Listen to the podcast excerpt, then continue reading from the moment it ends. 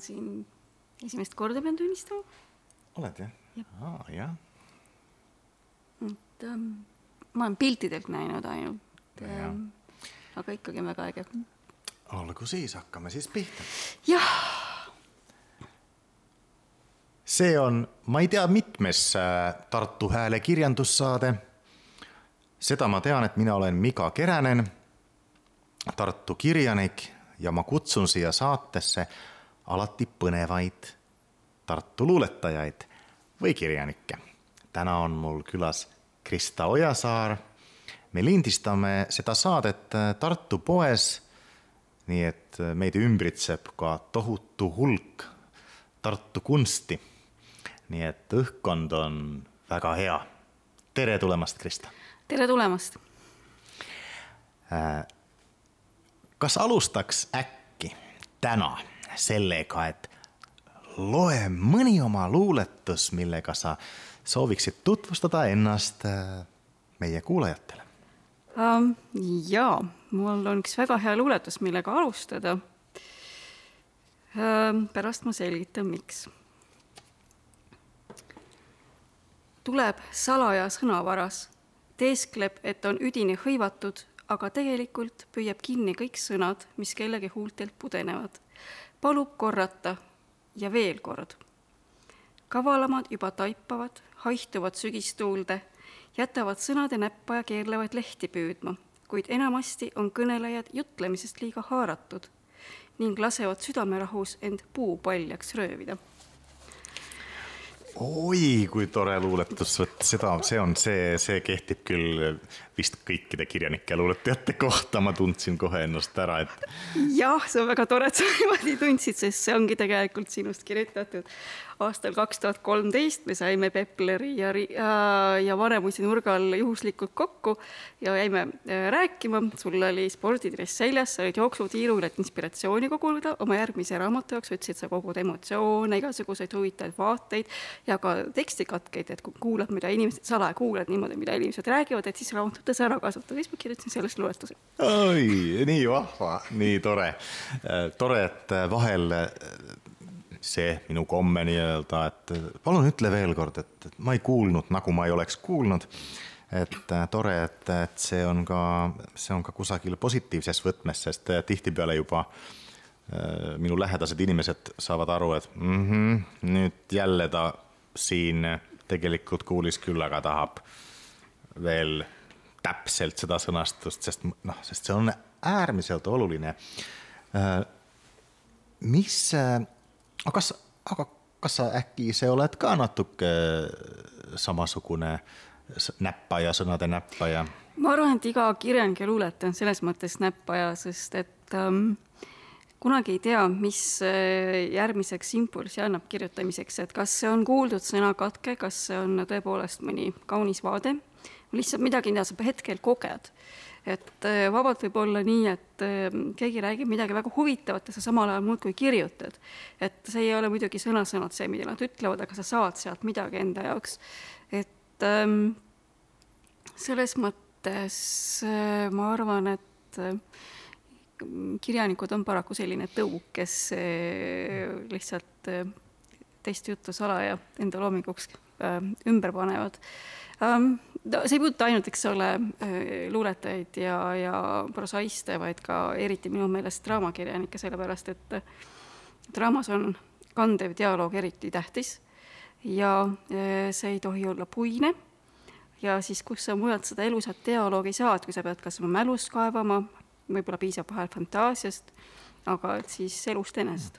kas ma saan õigesti aru, et äh, sinu, sind kui luuletajat äh, võib vabalt äh, käivitada mingisugune lause, mida sa võib-olla näed või kuuled äh, ja, ja siis ongi selline tunne, et oih, nüüd tuleb kirjutada või vähemalt äh, midagi meelde jätta sellest vestlusest. Ähm, jah, selles mõttes äh, ei ole minagi sellest patus prii ähm,. tihtipeale ikkagi on see lugedes siiski, et see sekundaarne inspiratsioon on ikkagi hästi tugev, aga tegelikult ka teinekord no teinekord on see mingi teema väga huvitav, mida keegi äh, räägib või siis äh, keegi, vaata spontaanne kõne on selline, et, et äh, sa ei kontrolli seda lõputult, eks ole.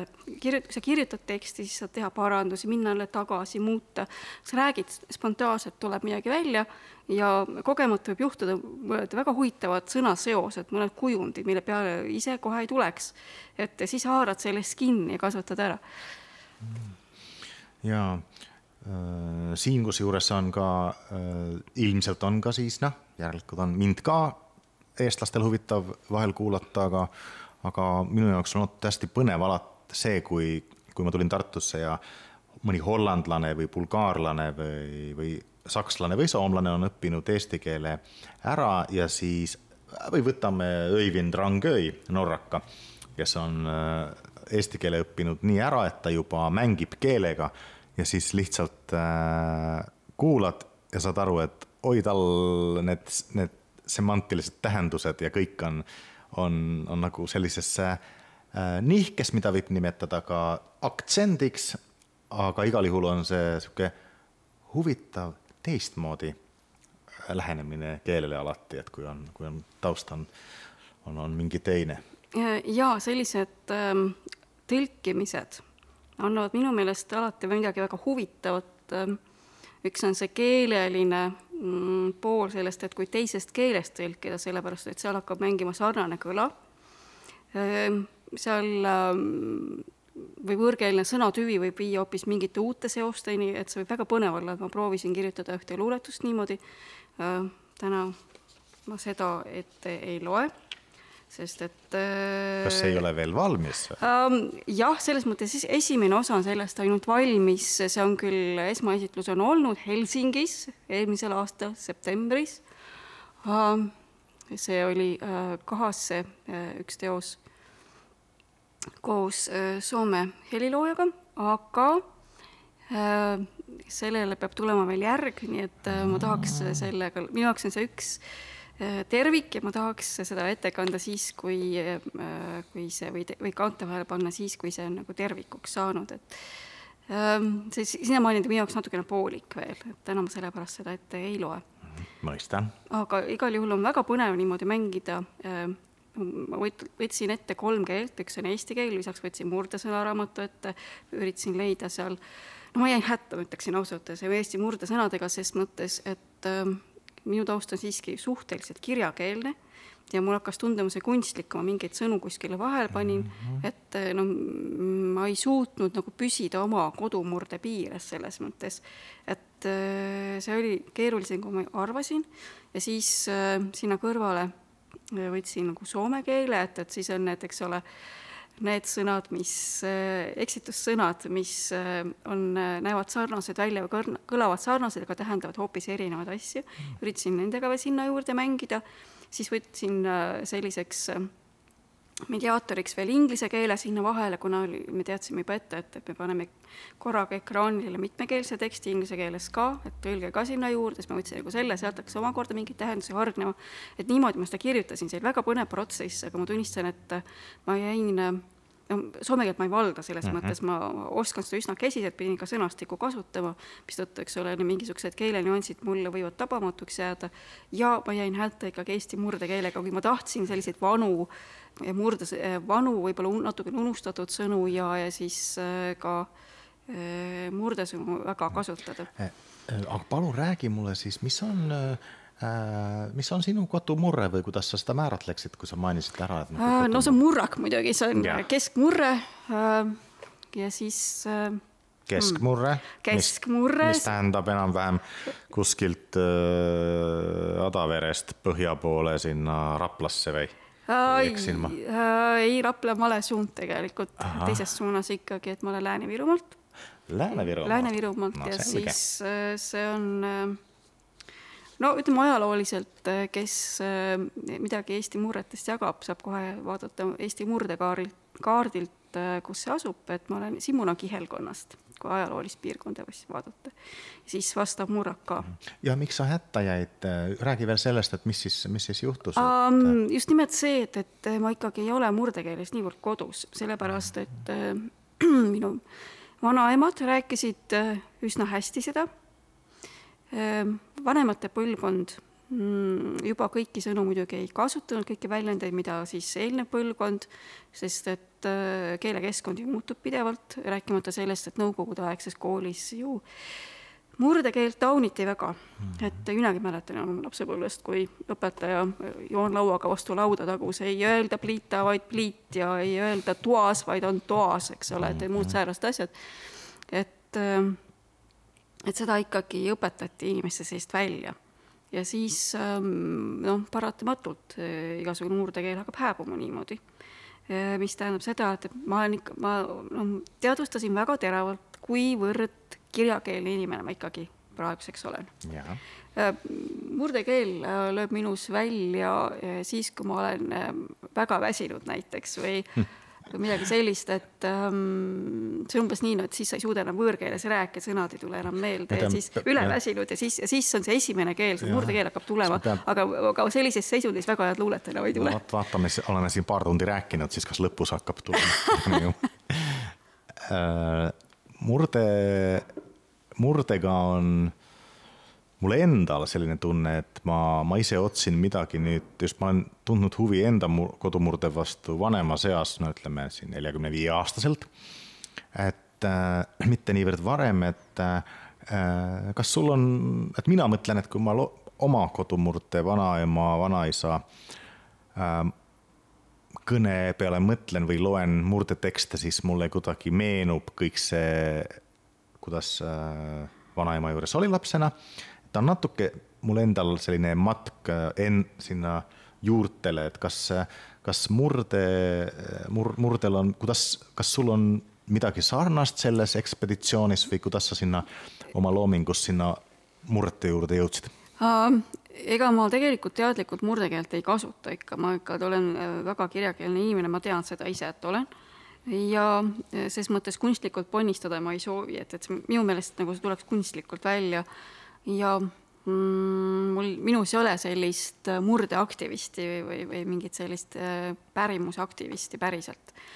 et mind huvitavad natuke teistsugused asjad, aga äh, see projekt oli konkreetselt selline, kus ma tahtsin kasutada väga erinevaid ajakihistusi, et äh, esimene osa sellest pikast luuletusest algab äh, siiski kahekümne sajandi algusest, kahekümne sajandi esimene pool tuleb sealt ja äh, siis noh, teeb vahepeal ajahüppe äh, kuskile sinna keskaegsesse Inglismaale hoopis, algab Eestist, jõuab mhm. Inglismaale yeah. ja siis jõuab äh, tagasi, tagasi on siis, jõutakse hoopis tulevikku kõige viimases osas, aga vot need kaks, see teine, teisest osast esimene osa kannab pealkirja Mardus, teine osa kannab pealkirja Uni äh,, ei vabandust äh,, kolmas osa on Uni, mis see teine oli, mul praegu meelest läinud, et äh, see tei-, ma olen neid jupiti kirjutanud. võib-olla muutub ka veel pealkiri. kuidas äh,, võib-olla ka jaa, et, et aga et mul on see kontseptsioon on hästi paigas, aga et, et selles mõttes ma tahtsin ka erinevaid keelekihistusi kasutada siiski. ja see, mulle tundus, et see murdekeel annab mulle kuidagi parema ligipääsu ka soome keelele. sellepärast, et selles äh, murrakus, mida mina lapsepõlves väga loomulikuks pidasin, noh, nii noh, ma ei saa öelda, et, et ma ainult murrakus rääkinud oleks, öelda siis murdepärases keeles mm. -hmm. et see on ikkagi äh, palju lähemal häälduse poolest soome keelele kui see keel, mida siin näiteks Lõuna-Eestis räägitakse, et kas ka kolmas välde? kolmas välde, ma olen sellega siiani hädas, et. ja teise välde äratundmisega. teise välde äratundmise ja kasutamisega ka mm, -hmm. et, et ja, ja on ilmselt sõnu, kus ma ei õpigi seda kunagi ära ja siis rääkimata see ähm, hääliku vaheldus, mis tekib, et aga et äh, muidu ma seda ei kasuta ja, ja siis äh, äh see murdetaust on just selline, et, et kõige naljakam ongi see, et ega ma ise ei teadvustanud seda. ma elasin selle sees, eks ole. ja siis, kui tulin Tartusse ülikooli aastal üheksakümmend neli, siis ma hakkasin kuulama, ma tulin Eesti filoloogiat õppima. ja siis ma kuulasin oma kursuse kaaslaseid, kes olid pärit mujalt kui Põhja-Eestist või Virumaalt. ja siis ma järsku ühtäkki ei saanud enam aru, ma olin tõsiselt nõutu. et et äh, esimene mõte, nad hääldavad valesti. Teine mõte oli, ei, see peab olema siin kohalik keelevariant. ja siis äh, ikkagi see kõlas minu jaoks väga-väga võõralt, nüüdseks ma olen harjunud. see, et, et minu jaoks äh, loomulikult kolmandas vältes kõlavad sõnad on siinkandis teises vältes ja nii edasi, sõnavara poolest ka, et, et, et, et si-, siin Lõuna-Eestis, vähemalt Tartus kasutatakse minu meelest natukene rohkem saksa laene, kui seal Lääne-Virumaal, meil oli natukene rohkem vene laene, aga noh, see oli ka perekondlikust taustast tulenevalt. Ja siin võib ka olla see, et äh, eriti noh, Tartu on ju olnud ajalooline saksa linn, et äh, ega see, ega see ei jätta siis äh, puutumata jah, selles mõttes, just nimelt, et äh, see oli midagi, mis nõudis minul harjumist ja siis äkitselt saingi väga teadlikuks sellest äh, keelest, mida ma ise kõnelesin tookord. et ähm, jah. No vot, seda on põnev näha, et, et kui aeg nii jõuab sinnamaani, et see teos saab äh, valmis. üks teos, just nimelt teos, mis on sinu tehtud mis ei ole ainult kirjandusteos, on, on väga põnev äh, masin, et äh, nagu, nagu lennujaama teatud tahvel, kus vahelduvad need äh, sihtkohad, et, et selline suur tahvel oli ühel õhtul kirjanduse majas, mingi kirjandusüritus seal oli, sa võid täpsustada, mis seal ja, oli, mina ei mäleta. ja mina ja Kontra sattusime sinna tagumisse tuppa, kus oli täiesti pime ja seal äh, see lennujaama teadete tahvel äh, kandis luuletuse ette, täpselt nagu, nagu mõnes võib-olla, mõtlen rokkvideos, et äh, ja selle luuletuse ja selle tohutu elektroonilise tahvli autor oled sina Äh, jah, tegelikult selle teksti autor ja siis äh, pooleldi siis äh, mm, selle ehitaja selles mõttes, et see on ikkagi koostöö olnud, see tehnilise lahenduse mõtles välja Hannes Einpaul. Ähm, tekst on minult, seal on ingliskeelne tekst, see on tõlkinud on selle Eneret Soovik ja siis koos Hannesega me kahekesi ehitasime selle, et see mm, valgusplafoon on selles mõttes ikkagi äh, täiesti nullist ise ehitatud, et ei ole ekraan, et äh, see on pleksiklaasist, ausast puidust, vineerist ja LED-tuledest kokku pandud. et ähm, me tegime seda tohutu tempoga aasta tagasi. Äh, miks? sest meil tekkis idee. ühesõnaga, kõik algas nagu küsimusest, kuidas on võimalik teksti esitada minu jaoks, kuidas teistmoodi teha, kuidas olla iseenda jaoks pidevalt uus? Ja lisaks kõigele ma tol ajal korraldasin esimest Tartu interdistsiplinaari festivali, mis toimus siis eelmise aasta augusti lõpus. Ja äh, seal oli natukene liiga vähe siiski tekstiga seotud projekte, ütleme nii, projekte um, ja siis äh, alguses ma mõtlesin seda valgusinstallatsiooni hoopis teises vormis teha, üldse mitte enda tekstiga, aga kuidagi aeg jooksis väga kinni ja siis ühel hetkel sain aru, et kui ma tahan mingit valgusinstallatsiooni, siis äh, ma pean selle teksti ise käiku laskma. ja mul sobiv tekst õnneks oli olemas ja siis Hannesega kahekesi ehitasime selle mm, suhteliselt kiiresti valmis, niimoodi tõesti väga varahommikust stiilis õhtuni ja, ja siis äh, saime sellega siis äh, enam-vähem festivali alguseks valmis, et mm. ja siis ütleme natuke seda seadistamist veel nõudis, aga et see oli siis meie festivalil üleval ja, ja, ja siis pärast õhtu, ja siis see oli üleval, see oli uh,. kui suur ta oli, sest ta oli ikka, ma ütleks kaks ja pool, kaks ja kolm meetrit, midagi sihukest, suur tuba oli täis seda. ega ma peast enam neid mõõte mm. ei oska öelda, ta on minu mäletamist mööda, kas no, poolteist või, või kaks meetrit äkki lai yeah. ja kõrgus oli tal äkki mingisugune viis meetrit. ma võin nüüd muidugi äkki numbritega mm -hmm. eksida, aga midagi sellist jah, niisugune tohutu suure mm -hmm. kõrge. Ja siis äh, ta oli seal Hullund Tartul üleval kõigepealt Elektriteatris ja siis pärast festivali lõppu liikus äh, Nooruse galeriis või Pallase, Pallase galeriis olnud festivali näitusele, interdistsiplinaarsele näitusele, kus ta siis oli veel ähm, septembri lõpuni vist oli see jah, üleval ja siis pärast seda äh, oli ta veel eelmise aasta hullunud Tartul äh,. Hullunud Tartu Prima Vista olid tegelikult, eks ole, koos. Ja samal ajal ta oli mõlema kavas, nii et korraga kahel festivalil, siis oli veel eelmise aasta sügisel äh, novembris üleval, siis ta oligi Kirjanduse Majas. ja selle kohta on väga naljakas tagasiside tulnud, et äh, hästi paljud kõigepealt mõtlevad, et see ongi ekraan, tavaline ekraan.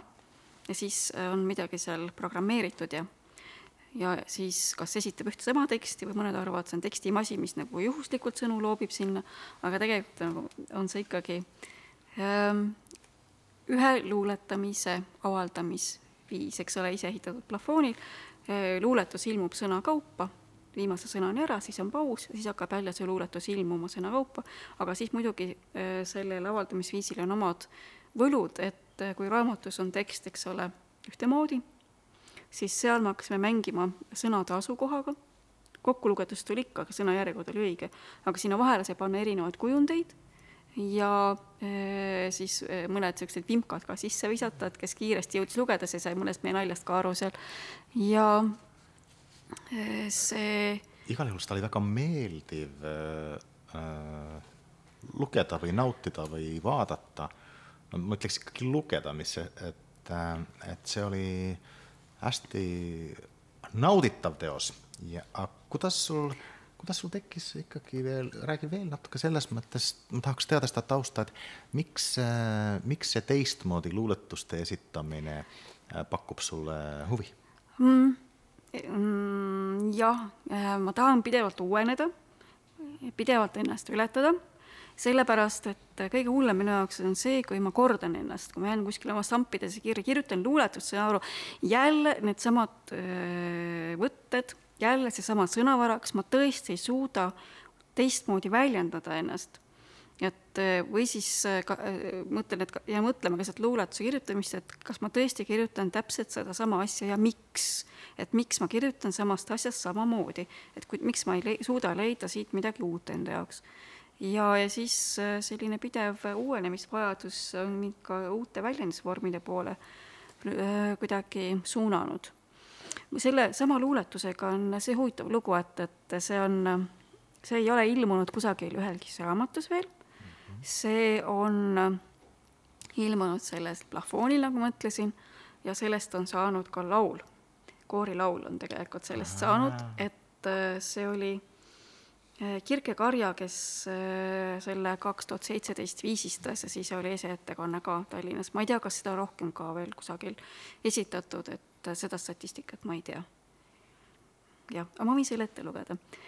Um, see muidugi um,, tegemist on jällegi sekundaarse, ma ei saa öelda jällegi, tegemist on sekundaarse inspiratsiooniga selles mõttes, et see ei ole äh, algselt minu lugu, aga äh, ma seda räägin siis hiljem. Kõige, kõigepealt esitan selle luuletuse. pime tuba lõhnab usalduse järele, sajab lund selles pimeduses ja selle vestluse juurde. väljaspool tuba ei ole miski oluline, eksisteerib ainult see hetk ja see unenägu, tuba, kus sajab lund. pimedus, mis laseb aimata sõbra kontuure vaikuse rõõm, mis kandub hiljem ärkvelolekusse. Valgus sajab aeglaselt põrandale, selle jahe puudutus paneb mu keha kumama. istume kahe lambina, sõnad on lõhn ja pimedus samal ajal, sõnad vooderdavad pehmelt kogu ruumi, kohev lumi jääb neile pidama nagu kasukas.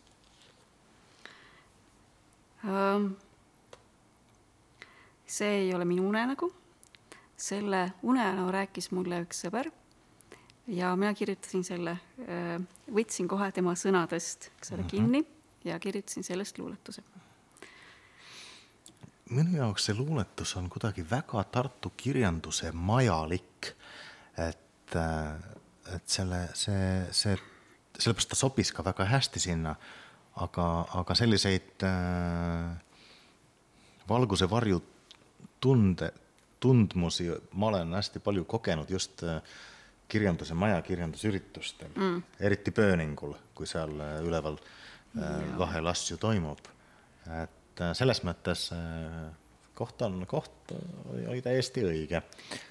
jah, see installatsioon vajabki pimedat ruumi, et mõjuda, et ja, ja tegelikult ka musti seinu, tumedad seinad peavad olema tegelikult selles kirjandusseltsi toas, kus oli isegi natuke liiga heledad seinad ja põrand et seal, kui see eh, vahepeal need tuled kõik põlema lõid, et siis tegelikult valgustas see ümbrus liiga välja, et ta peabki tegelikult mõjuma sellise musta, eh, ma ei saa öelda, kuubina või, või niisuguse musta tahukana või musta plafoonina, et need sõnad peavadki mõjuma nii, et nad siis nagu helendavad ja hõljuvad.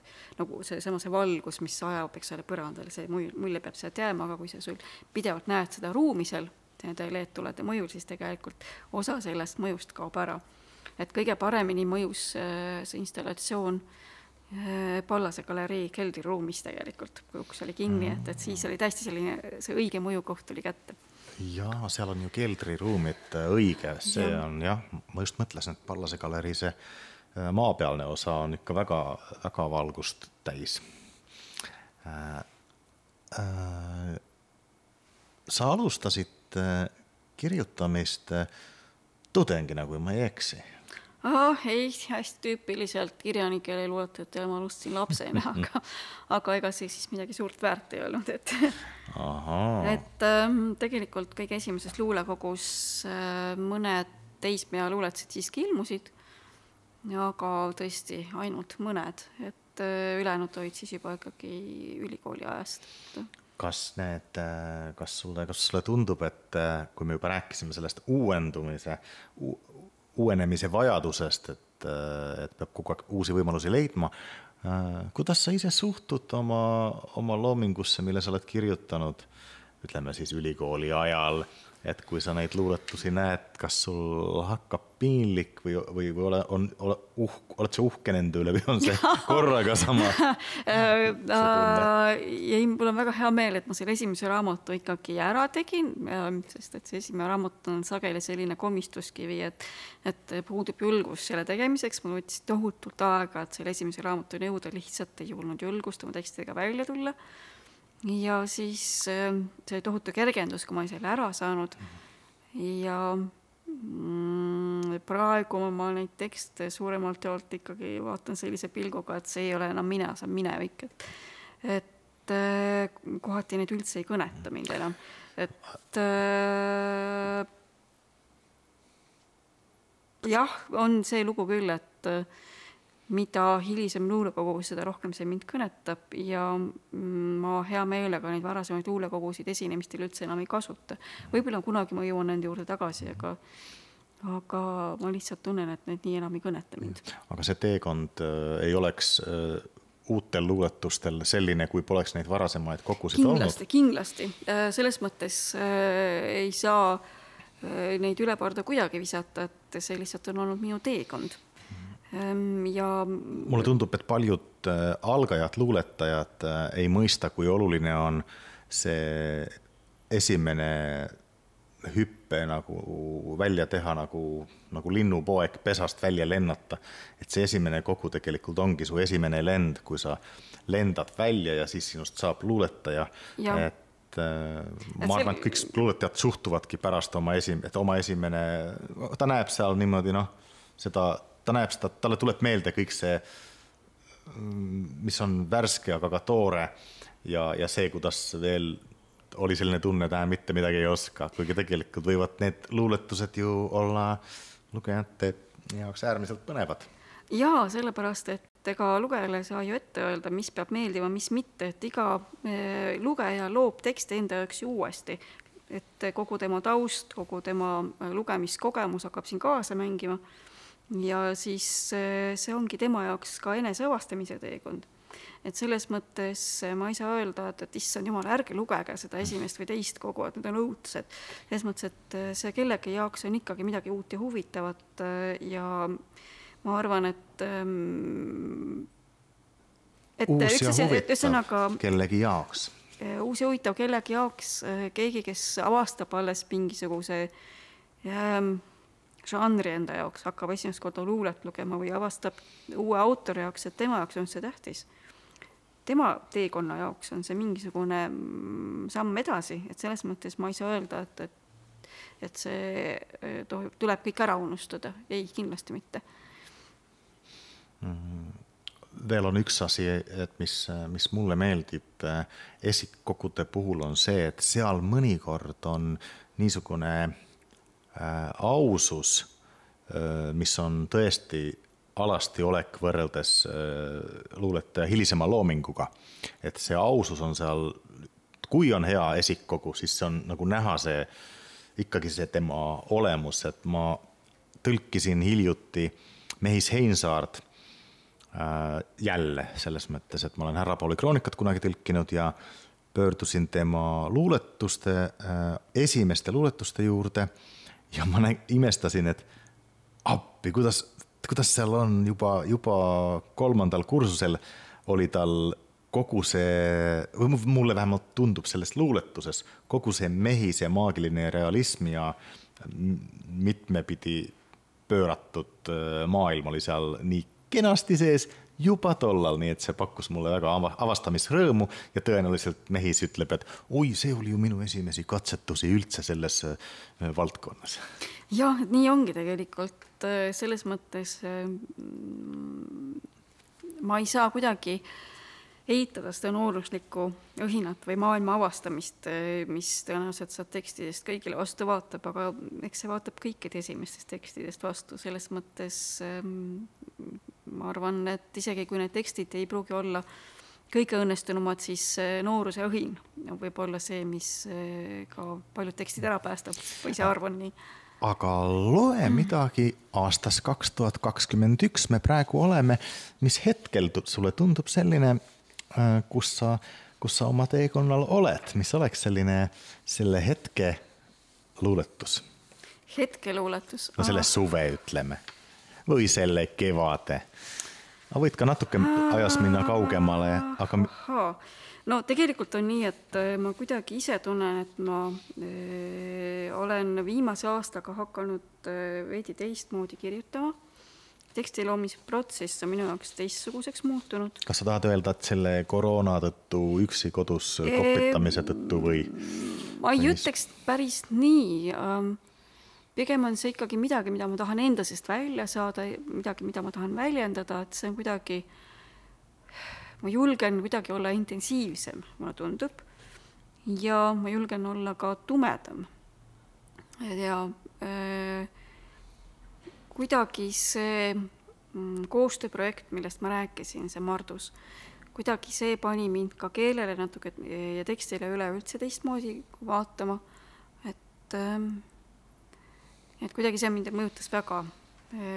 ja ma ikka tunnen ära enda stambid muidugi, mingid äh, hääliku kordused, mida ma kogu aeg kasutan, mingi sõnavalik, mida ma kogu aeg kasutan, et ma tunnen selle kõik ära, ma loodan, et, et lugeja ei tunne ära nii, nii hästi, et neile see tüütuks ei lähe.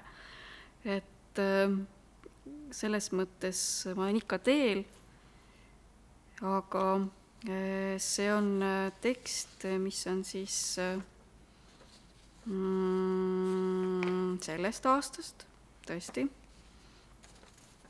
ja see on selles mõttes ka tellimustekst, et see kõlas linnujämmil botaanikaaias. ja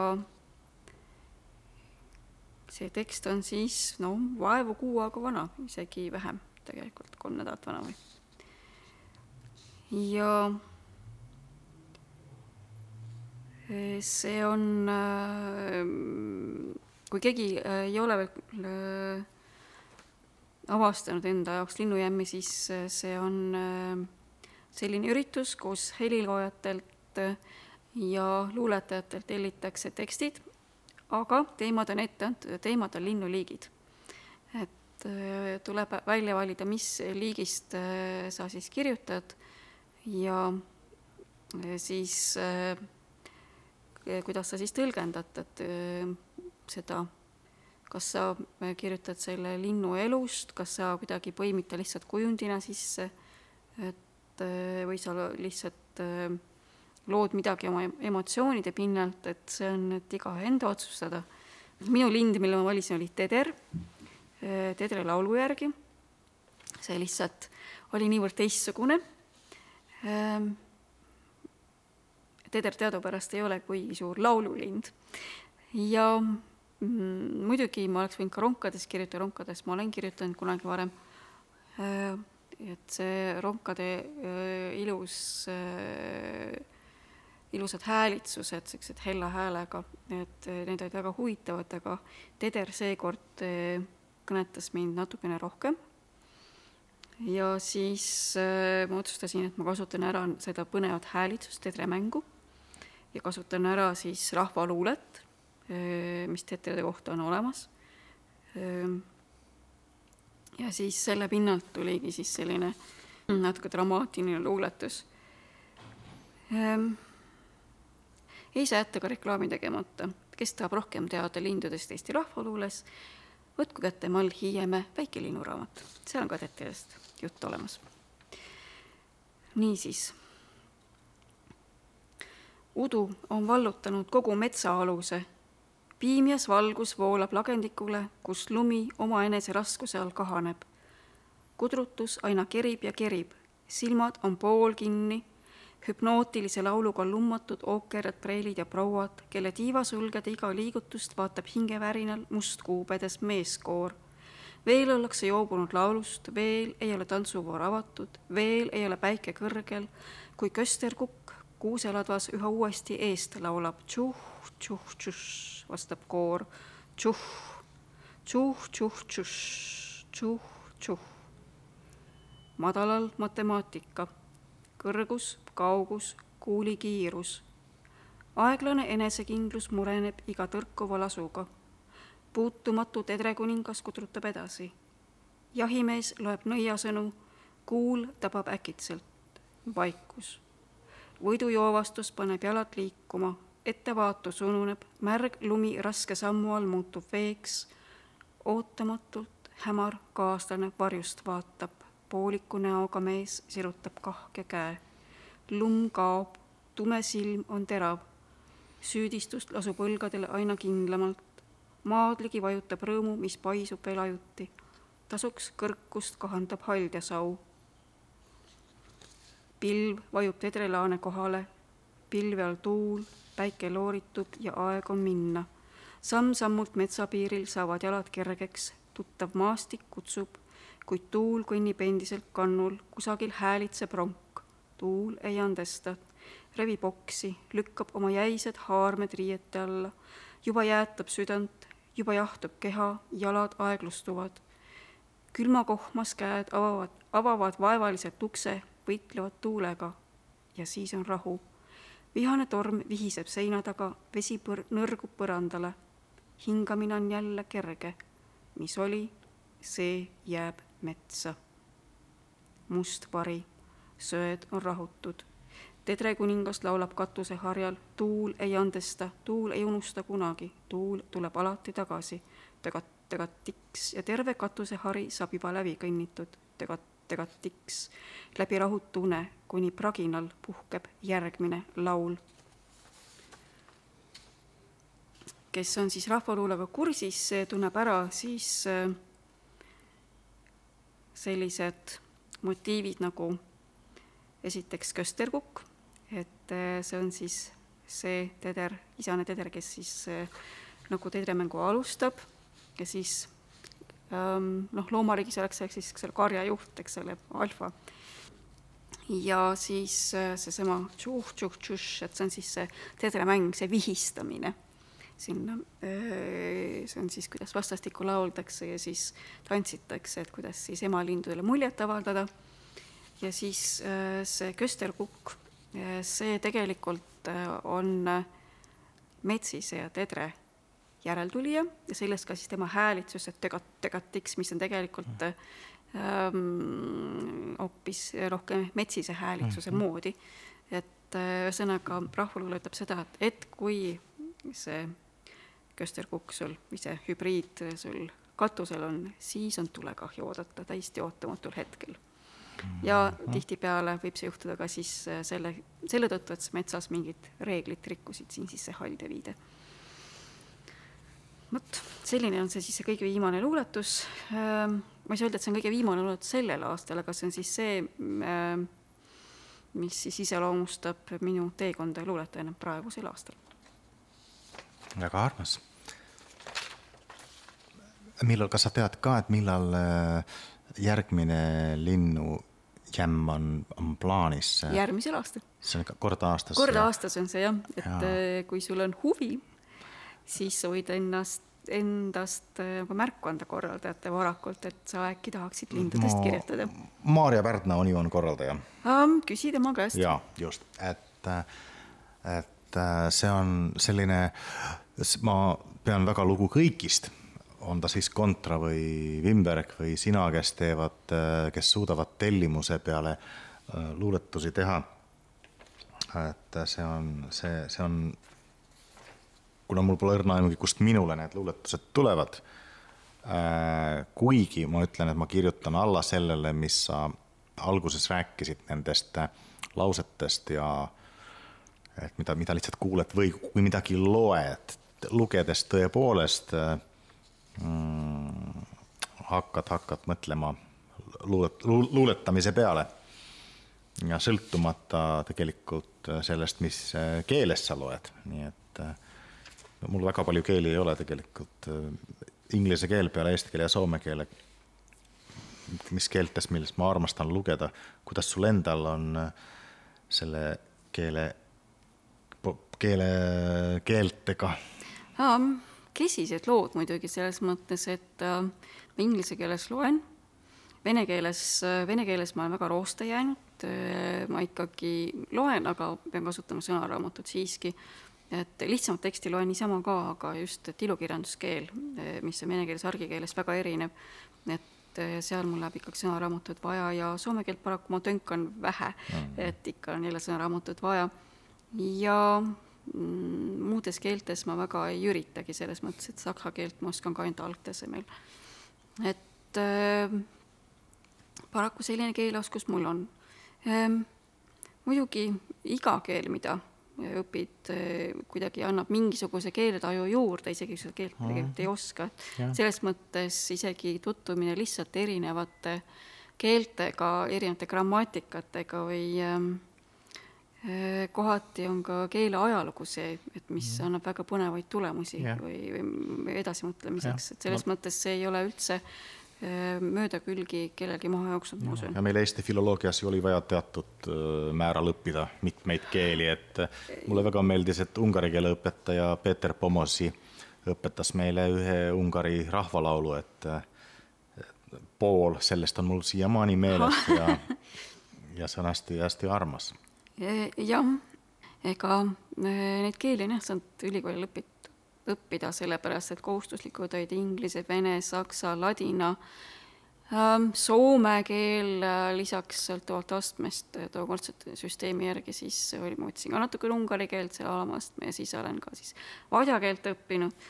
Äh, lisaks veel üritasin igasuguseid muid asju ka, muid keelekursusi võtta, mis jäid kõik pooleli ajanappuse tõttu, sest noh, see esimene entusiasm, kui ülikooli sain, oli see, et, et uus maailm on nüüd avali, siis ma üritasin ahmida kõikvõimalikke teadmisi nii palju, kui sain, aga noh, kui sa käid kaheksast kaheksani iga päev loengus, siis ühel hetkel väsid sellest väga ära. et äh, selle tõttu siis ka mingid keelekursused, see nii-öelda vabatahtlikult või jäid mulle pooleli lõpuks. samas, kui natuke meenutada ülikooli aega, siis eks see loengutes käimine või see ahmimine, see oli ka omamoodi, kuna meil internetti ei olnud, siis oh, tegelikult jah. meil oli lihtsalt programmis igasugused, kui, kui oli mingisugune huvitav kursus äh,, Gordon Lehmanil oli British Sports, siis lihtsalt lähed sinna nagu kinno või ma ei tea, ja siis ta räägib, kuidas on äh, spordi kaudu keel, keelde tulnud sõnu ja niimoodi. Hästi-hästi põnev oli tegelikult loengutes alati vaadata, et mis loenguid sellel aastal õppeaastal või semestril antakse. Ja siis lähed noh, ma ei tea, no eks nad paljud jäidki pooleli, aga et siis satud väga kummalisi asju õppima või, või jah, õppima, palju seal siis õpiti, et noh, kuulama, loenguid ehm, kuulati. jaa, just, just, et äh, tegelikult see oli see mm, tore üheksakümnendate teise poole ülikool, kus äh, oli selles mõttes väga vaba äh, süsteem, et sa võisid võtta mida iganes. et no põhiasjad tuli muidugi ära teha, aga sa said ise kombineerida kõike, mida sa õppisid ja see andis nagu võimaluse iseenda teadmisi kas süstemaatiliselt või juhuslikult, kuidas kellelgi, aga igal juhul ähm, täiendada selles suunas, mis nagu tõsiselt huvi pakkus. et äh, see on see interdistsiplinaarsus, mida mm, äh, ülikoolis väga palju rõhutatakse, aga milleni tegelikult muidu ei jõua, kui sa tegelikult võimalikult palju selliseid mm, ennast huvitavaid asju alguses ei õpi tundma või, või ei käi loengutel, sest kust sa seda muidu saad, eks ole? Mm.. et et äh, sa pead, see on, see on ikkagi ähm,, ülikool on ikkagi mingis mõttes ka ikka selline eneseotsikute teekond, ei ole nii, et ma tulen, astun ülikooli, ma tean, nelja aasta pärast või viie aasta pärast saab minust emaga lõpetaja, rohkem ei õpi, punkt, lähen, diplom käes, eks ole mm., et sellist on ikka väga vähe minu meelest, ma loodan, et ähm, et ülikool peaks ikkagi olema selline koht, mis annab sulle mitte lihtsalt hariduse, aga laiemalt niisuguse harituse mm. -hmm. et äh, selles mõttes jah tuleb õppida mitte ainult keeli, vaid ka kõike muud. täpselt nii. kuule, räägi, ma näen, vaatan, et sul on luuletustel selline huvitav asi selline huvitav asi, ma näen nii kaugelt, et sul ei, sul, sul ei ole luuletustel pealkirju, vaid sul vahel on sihuke, aa vahel on jah, aga nendel, mis sul siin on äh, paberi peal prinditud, on must selline mm, telliskivi nagu Tetrises neljatükkine. jälle, eks ole, see musta, musta ristküliku kujund. aga see on, no ma ei tea aga..., see on mulle li lihtsalt väga omane, et ma kujundajatega eh, kipun tihti vaidlema, sest nad ei taha seda, et eh, luuletuse algust saab tähistada, no traditsiooniliselt tähistati seda kolme tärniga ja. näiteks või, või siis mõned panevad kriipsud või midagi, et aga mina pole seda kunagi tahtnud, mulle on see alati tundunud väga tüütu ka visuaalselt kuidagi selline häiriv, et, et siis äh, olen jõudnud äh, kompromissini, kas mingisugune muu huvitav kujund või siis tõesti ma olen jäänud kindlaks sellele oma mustale kastile. Mm.. et, äh, et see on kuidagi ja. selline minu jaoks nagu äh, visuaalselt vastuvõetav kujund, millega mm -hmm. siis pealkirjata luuletuse algust mm -hmm. tähistada. samas sellest tekib niisugune mulje, nagu sa oleksid, nagu seal oleks mingi pealkiri, mille sa oled lihtsalt kustutanud e, jaa, seda mulle öeldud ka, et see, et see just nagu tühistab luuletuse või, või midagi sellist, aga minu jaoks see just alustab luuletust. et e, see on väga huvitav, kuidas inimesed seda tõlgendavad e, ja miks mitte, kui nad võt-, noh, kui see nende jaoks tühistab ära, siis sa tegelikult alustad puhtalt lehelt, ma loodan et kui kellelgi selline tühistamismoment tekib, et äh, see ei ole teadlikult selles mõttes siia pandud, aga et lihtsalt, et ähm, kui selline efekt tekib, siis on ju väga hea, sest et, et see paneb inimese korraks peatuma ja sellest võib sündida midagi huvi-, uut ja huvitavat, et, et kui sa, kui sa korraks oma mõttes peatud mm. -hmm. kõigele, jah, kõigele, kõikidele asjadele eelneb ikkagi vaikusene tormi mingisugune see, see võib olla täpselt nii, nagu sa seda nüüd sõnastasid, täpselt nii on ehm,. jah, võib-olla ehm, võib-olla veel üks näide äh, sekundaarsest inspiratsioonist, äh, luuletus ähm, Äh, mida ma äh, tavatsen erinevate publikute peal katsetada, et kas see mõjub kuidagi humoorikalt või ei mõju. ja ma kunagi ei saa aru, vot Eesti publik on selline, et nad on sellise pokkeri näoga enamasti. sa ei saa üldse aru, kas, kas, kuidas see nüüd läks või mitte, et väga harva, väga harva, kui, kui saad mingi reaktsiooni sealt kätte selle peale. et selles mõttes see on üks näite, ma ei kirjuta meelega selliseid naljaluuletusi, ma ei ole kontrtüüpi või et aga, et, et kuidagi see teema oli selline, mis kuidagi keris minu jaoks sellist, selliselt ma tundsin, et siin peab mingi huumor sees olema, et äh, see on ühe ajalehe loo peale mingisugune lihtsalt äh, kurioosne seik. ma enam ei mäleta enam, kus see lugu juhtus, kas, kuna see luuletus on juba mm, pakun seitse aastat vana. Ja nii kaua avaldamata minu jaoks ei oma selles mõttes see aeg üldse tähtsust. Mul võib ka kümme aastat avaldamata olla et minu jaoks on see äh, oluline, et see distants, ma ei saa väga värskeid asju tihtipeale avaldada lihtsalt. et ma ise tunnen, et ma ei ole selleks valmis. esitamisest rääkimata, et see, et ma selle tedreluuletuse ette kandsin kohe samal päeval, kui see valmis, et minu jaoks on see haruldus, et ma enamasti ei suuda, et liiga värske, minu jaoks peab distants olema. aga et see siis luuletus äh, sai alguse jah, ühest, triviaalsest äh, ajaleheartiklist, kus ühest loomaaiast oli üks krokodill või oli see mingi muu loom, ma enam ei mäleta, või see võis olla ka mingisugune haan, varaan, mingi muu loom ja, ja oli plehku pannud ja siis kusagilt linna tänavalt saadi ta kätte. aga et alguses tekitas, noh, et inimestes oli paanika ja lõpuks oli kohe uudis, et, et loom saadi kätte. minu loos looma kätte ei saada, et tal läks nagu paremini selles mõttes loodetavasti. ta ikkagi äkki jõuab oma siis kuskile loomulikku keskkonda tagasi. Aga see on siis rohkem selline nagu anekdootlik lugu, nagu ma ütlesin, see on minu puhul suhteliselt haruldane.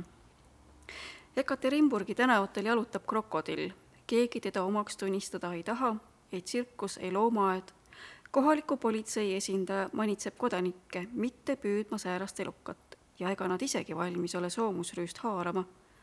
koguneb Jekaterinburgi linna jõukate ühendus, et konjakiklaasi taga olukorda arutada. Keegi ei tunnista loomu omaks, kuigi haruldusi varjab oma kodus nii mõnigi lõpuks otsustatakse suupistetest loobuda ja pühenduda ainult konjakile ajujaht lepitakse kokku hommikul. ajujahi tagajärjel jääb kolm ärimeest kadunuks. neljas leitakse teisest linnaosast armukese juurest. aga väljas on algav sügis. lehed lähevad tasapisi kollaseks, jahedus hiilib ligi ning üksildane krokodill loibab endiselt lõuna poole aina aeglasemalt ja aeglasemalt.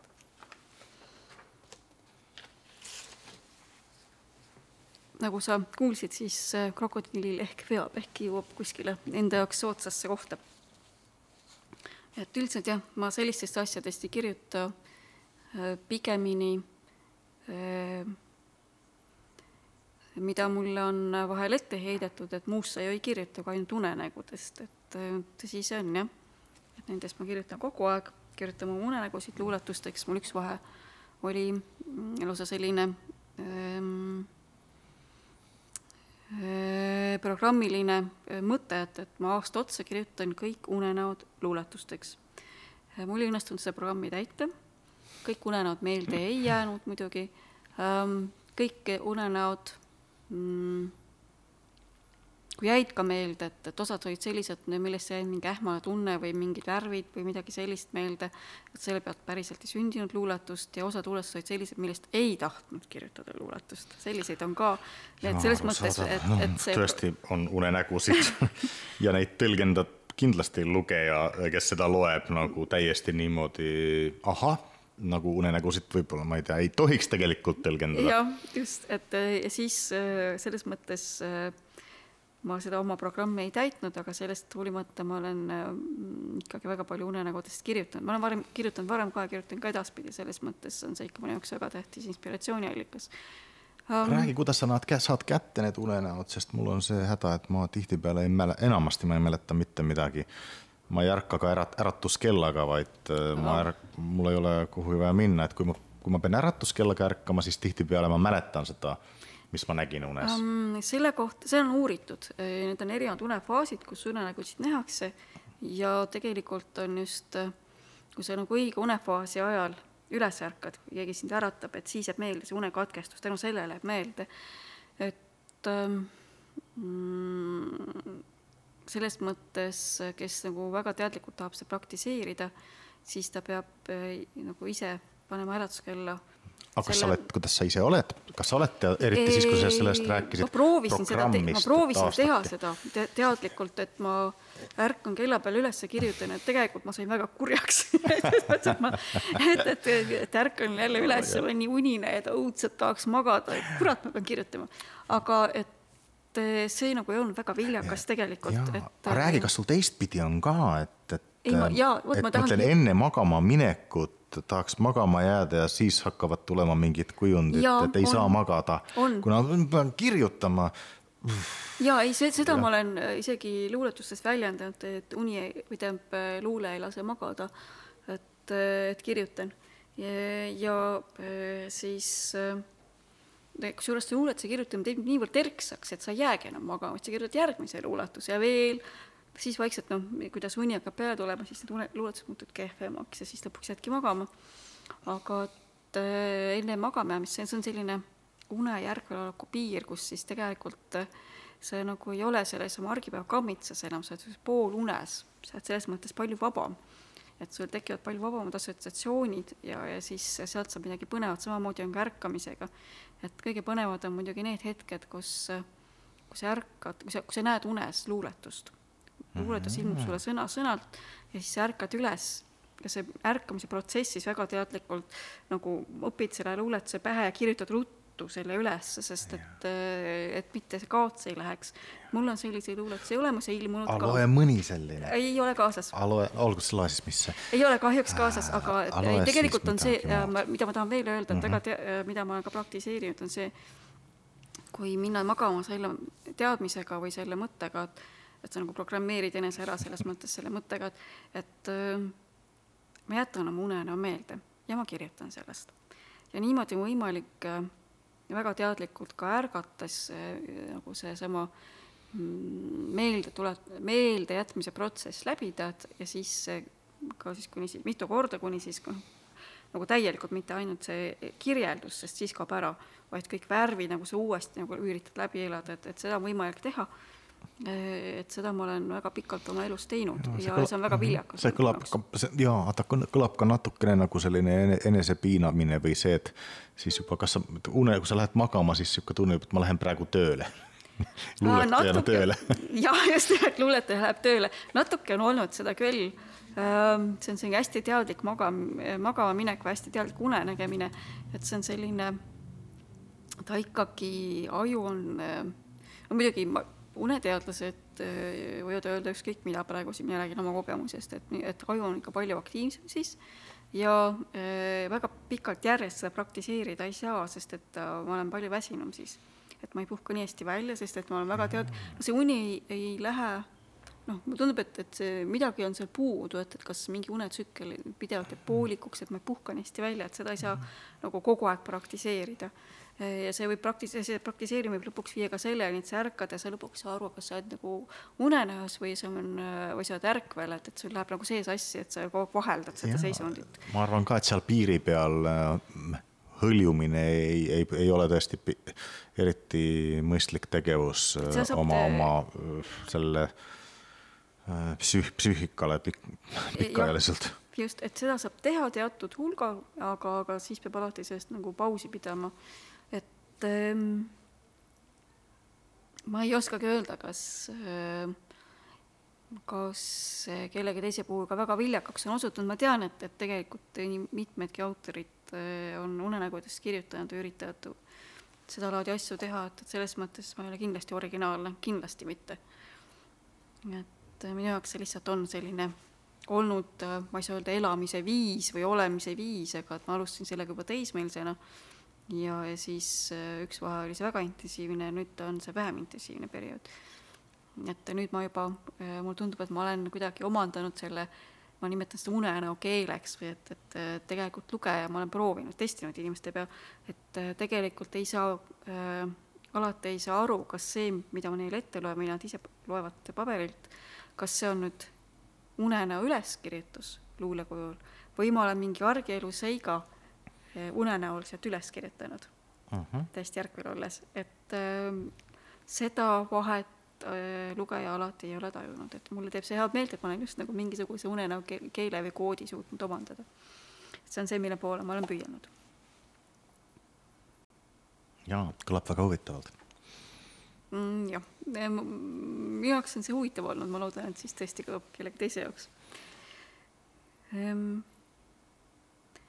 ja muidugi see tähendab seda, et, et kuna unenägudes on väga palju ootamatuid seoseid, täiesti, täiesti juhuslikke seoseid võib-olla, midagi, mis kuskil sinu enda jaoks selles unenäos tähendab ainult midagi, viited, mingeid ähmaseid viiteid millelegi, pidevad muutused, üleminekud. et siis äh, see on olnud koht, kus äh, ma olen saanud väga palju õppida enese jaoks, et mismoodi mingid kujundid kokku panna, et see on mind kõige rohkem õpetanud, rääkimata sellest muidugi, et kõige rohkem õpetab see, kui loed tegelikult teisi autoreid, eks ole. Mhm. aga minu enda unenäod on mulle ka väga palju õpetanud. Äh, ma tahaks küsida vast-, natuke nagu keerata seda pisut äh, seda äh, teistpidi, et kas sa oled sedasama unenäo teemat, et kas sa oled ka, kas sa oled äh, ka Tartu linnas tundnud äh, jalutades või siin istudes, et, et, et sa oled, sa, et sa oled küll, sa tead, et sa oled ärkvel, aga tegelikult sa oled äh, natuke nagu unenäo transsi sattunud äh, siin linnas äh, nagu selle vooga, võib-olla see on see hetk ka, millest räägitakse tihtipeale, et nüüd Tartu vaimu tunne, tunned Tartu vaimu, seda juuresolekut.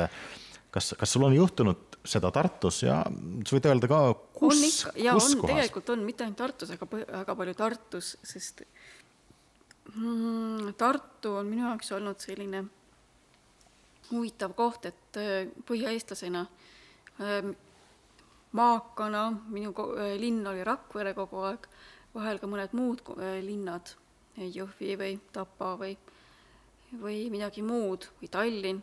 Tallinn, Tallinnaga ei harjunud ma kunagi ära lapsena või teismelisena. Ähm, see mõjus mulle hirmutavalt, see oli räpane, hall, tolmune, kärarikas. Ähm, ja kui ma kunagi läksin Tallinna elama, siis see ikka samasugune linn mu jaoks praegu naljakal kombel äh, on Tallinn täiesti okei okay linn. aga tookord ei olnud, noh, Tallinn nii palju muutunud ka. aga Tartu, kui ma lapsena, teismelisena ka harva sattusin Tartusse, siis äh, ma ei tunne, nagu oleksin mõnes teises riigis või mõnes teises ähm, ma ei oskagi kirjeldada, mis asi see oli, nagu, nagu see oleks nagu unenägu, see oleks midagi nagu teist, nii teistsugune tundus see Tartu õhkkond, et ähm, et see inspireeris mind tohutult, ma nägin Tartus tohutuid kirkaid unenägusid, neid mälupilte, eks ole, mis unenägu mulle ette hakkas mängima unes. et äh, ja siis ma nägin täiesti fantastilisi unenägusid Tartust, mis siin kõik toimus, ja see jätkus, kui ma siia Tartusse kolisin, Tartust sai minu unistuste linn, ja ja siis äh, hästi naljakas äh, teinekord oligi tõesti jalutad mööda Tartut ja jah, sellest tänavanurgast oli mune nagu või täpselt sama täna, tänavanurk kusagil um,. Kui ma nüüd mõtlen, mis on see koht, mis sellise unenäolise tunde tekitas või kus ma tundsin ära, et, et ma nägin sellest kohast unenägu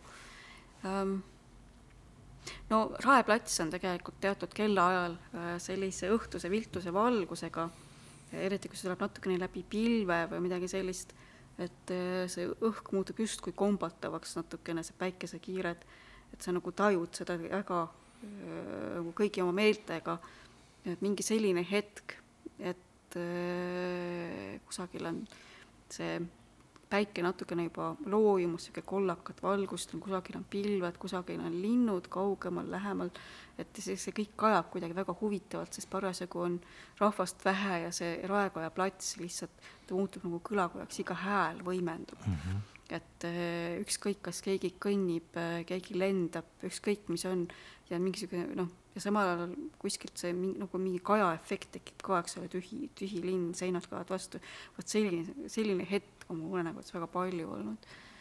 et ja ähm, see on väga, tuleb tuttav ette, see on selline unenäoline hilisõhtune hetk Raekoja platsi juures, mis, mis noh, ma olen proovinud vahel ka foto teha sellest, kuna, kuna sellega on kuidagi seotud see äh, roheline tume Toome mägi ja need pilved seal Raekoja torni, Musta torni äh, Äh, peal üleval, mis alati kuidagi on nagu, ma just üks päev mõtlesin, et on, pilved on seal nagu mingi kiilakas vanamees tahaks soengut endale sättida niimoodi, et, et veel juukseid oleks kuidagi nagu selle pe, peidab seda kiilakat ära, et, et ma just mõtlesin, et täpselt siuksed pilved seal kord oli ja ja, ja tegelikult see läheb ju üle jõe lausa, et äh, niivõrd lämmatav Pärna õite lõhn oli siin ühel õhtul jalgrattaga äh, Emajõe ääres sõites et, et, et see, see ka nagu rattaga sõites viis mind kuidagi nagu ajas kuhugi mujale ja, ja mõnes mõttes siis on ka äh, täiesti mõistlik ja turvaline on kuhugi maha istuda, sest äh, tegelikult äh, see ei ole unenägu, vaid sa võid sõita, kellel tuleb sul tõuksiga tuleb viis noormeest sulle korraga niimoodi nagu hakkiparv otsa, et noh. jah, segab sinu meditatiivset hetke, eks ole, et. ja et medite-, meditatiivsed hetked, neid tasub ikkagi nagu istuda tooli peal pigem kui rattasadul rahu, ja rahulikult selles hetkes olla, ilma et keegi sulle lihtsalt sisse sõidaks, see on õige. et ähm, selliseid hetki on äh, veel olnud ja kuidagi just äh, see punastest tellistest mingisugused, punastest tellistest hooned Tartus näiteks on minu jaoks midagi äh, väga tartulikku, Jaani kirik näiteks või? Sellepärast, et noh, mina tulen sealt Põhja-Eestist, kus paekivi on põhjaline, aga graniit ka muidugi, aga et see mm, punane liivakivi ja, ja siis punased tellised on minu jaoks kuidagi väga Liivimaaga seotud, Liivimaa kuidagi äh, on äh, isegi sellisel tasandil, nagu see aluskivim on, eks ole, siin täiesti muu, sest see baas on siin väga-väga sügavalt, selle peal on liivakivi. et äh, see kõik on äh, siin ka nii teistmoodi. kas sa tead seda, ka seda esimest ühikat, mis on seal Liivi tänaval selline punasest. just, just, just. ka täiesti selline imelik loss või monstrum sellises kohas, kus ei, ei ootaks niisugust äh, punast telliskivi ja minu jaoks on nendel sellistel hoonetel või Botaanika ja vastas on üks selline, äh, kus on uus teater, et nende, nende hoonetega mul kuidagi tekib selline ülikooli linna tunne, et, et ei tea, mis saladusi seal on ja, ja ka EPA tudengina me tegelikult käisime, vaatasime saksakeelseid dokumente selles Liivi tänava majas, et tollal oli seal äh, mingisugune arhiiv. ja, ja veel see kõik see saksa keel ja äh, tolleaegne mm, äh, Toivo Meikar oli õppejõud, Silver Meikari isa suitsetas sigarit ja jättis sellise no lihtsalt niisuguse mulje, nagu olekski täiesti Oxfordist äh, Cambridge'ist või mõnest Ameerika ülikooli linnast see õppejõud ja, ja just need õppejõud tegelikult ja nende isikud, vot need on need, millega mina, mida, mis minu, mul on nagu Tartus väga armas. Ja seda, kui ma oleks samal ajal, andke andeks nüüd kõik noored, kui ma oleks samal ajal istunud kuskil ja söönud krõpse ja vaadanud Netflixi, siis mul võiks olla mingeid huvitavaid sarjasid küll nagu mida meenutada, toot, kui ma olin noor, ma vaatasin Netflixist sellist sarja, aga tegelikult äh, mina tundsin selle Meikari sigari lõhna ja ma olin osa sellest äh, sarjast ise. Ja ma tunnen, et ma elasin tudengina. Äh, jah, tudengina mul ei olnud ka televiisorit, minu Netflix oli hoopis ülikooli raamatukogu, kus ma öö, mm, oma õppematerjali vahele siis lihtsalt kammisin läbi uuemat ilukirjandust ja siis ka uuem ja siis äh, disaini puudutavaid äh, raamaturiiuleid, et ähm, kunstiajalugu ja kõik muud sellist, et äh, see oli jah, see oli see maailm, kus ma elasin, et ma olin üliõnnelik, et raamatukogu oli väga hilja lahti. et seal sai veeta, no seal ma veetsin ikka jah, kogu oma vaba, vaba aja koos olla ja muidugi loomulikult ka selles äh, raamatukogus, mida enam ei ole, kus on praegu Elektriteater mm. -hmm. seminark. seminarka just nimelt, et sai nagu teine kodu selles mõttes. ei, see oli hästi rituaalne ka minu jaoks, et äh, me elasime Võru-Aardla ristil. Äh, õppida tuli ikkagi, tuli tellida need õpikud ja materjalid raamatukogus. Lähed, kirjutad paberi peale, mida sa tahad ja siis lähed siis edasi ülikooli kohvikusse, kus siis äh, loed midagi ja ootad, millal saad oma õpikud kätte ja siis hakkad jälle õpikutega tegelema. aga see oli selline õppimine raamatukogus oli ka selline äh, väga huvitav äh, rütm, mis, mis sellest tekkis ja, ja ma vahel harva suutsin hästi pikk, pikalt ka õppida selles mõttes, et hommikust õhtuni, aga pigem ma olin rahutu ja nii, nii kaua vastu ei pidanud ikkagi kuhugi kadusin linna peale sealt, et aga, aga see oli huvitav, huvitav aeg, mulle tundub, et, et mul ei olnud plaanis sellest rääkida, mul ei olnud midagi plaanis rääkida kunagi, kui ma neid saateid teen, vaid see on alati, mis, mis tuleb. aga hetkel mulle tundub, et äh, juulikuus Tartus on ka selline äh, lämbe õhk, selline tõsine kõrvetav päike, et see, see tegelikult äh, paneb meid kõiki, vähemalt mind, peatuma. ja siis äh, ma võtan palju rahulikumalt sellise, nende ilmadega, sest ei saa tõmmelda, aga siis äh, hakkab, kõik lähebki nagu, vaatad aknast välja, kõik ongi natuke hägune ja see temperatuur, see on leitsak ja, ja see on. äikeseelne. jaa. just, aga siis loeme ühe luuletuse äikesest äike näitab ennast alati vasemalt poolt, niimoodi häbelikult ja hiilides, ah, mis nüüd mina, siis sahistab paremale ära. öökulissid säravad külmalt, kui ta läheb. tema sugulane põhja pool on märksa tormilisem. siseneb areenile alati loodest, keerutab peleriini, mürtsutab jalgu vastu maad, põueoda välgub hoogsalt ja vuntsid muutuvad aina tumedamaks pärast nii marulist esinemist häbenevad inimesed oma argust ning poevad koos neljajalgsetega jälle müüride vahelt välja, kaugenevat trummipõrinat kuulama. Ähm, selle luuletuse taustaks on see, et ma olen pärit äh, sellisest kohast, mis on kolme mäe vahel, Eesti mõistes mägi muidugi, ähm, ja mis tähendab seda, et see on üks väikese rohkemaid piirkondi Eestis. Ähm, vanaema elab seal, ta kardab päikest ja siis see, ongi osaliselt tema äikesehirmu pealt nagu kirjutatud. ja need on jah siis Emumägi ja Ebavere ja Kellavere mägi, et mille vahel siis see Simon asub. kas sa see suvi oled käinud äh, Simon, Simonasse? ei ole veel jõudnud, äh, sest et äh, väga Äh, kiired ajad on olnud, ma käisin tegelikult kevadel siis, kui peenraid tegime. siis ma käisin viimati, aga nüüd suvel päriselt ei ole veel jõudnud.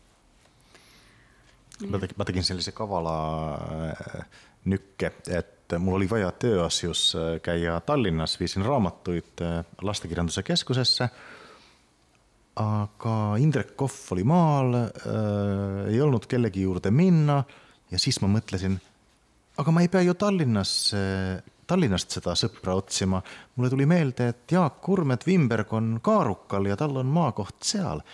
ja siis ma käisin kiiruga Tallinnas ja sõitsin äh, Järvamaale ja me olime verandal, mitte aias ega ka sees, vaid verandal, kardinad lehvisid ja lihtsalt no mina lössutasin diivanil, Wimberg istus palju sirgema seljaga aga lihtsalt äh, uimerdasime ja ajasime, ajasime juttu.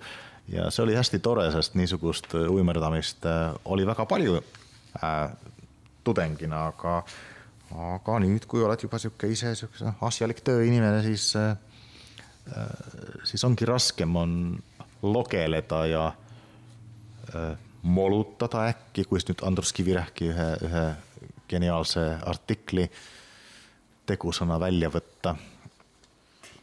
jaa, äh, sellest äh, maaelust äh, siis üks luuletus ka. see nüüd ei ole otseselt maaelu kirjeldus, nii nagu kuulaja võiks nüüd oodata, aga see on lihtsalt sellest ajast, kui ma maal elasin. ja see on siis selline sellel keskväljakul seisab buss number kolmkümmend üheksa, see seisab seal alati kell kolmteist kolmkümmend. ümarate vormide ja päikesekollase katusega. see seisis väljakul juba siis, kui alevis ei olnud asfaltteid. lombid muutusid mülkaks ja vastupidi ja selle järgi hinnati aastaaegu.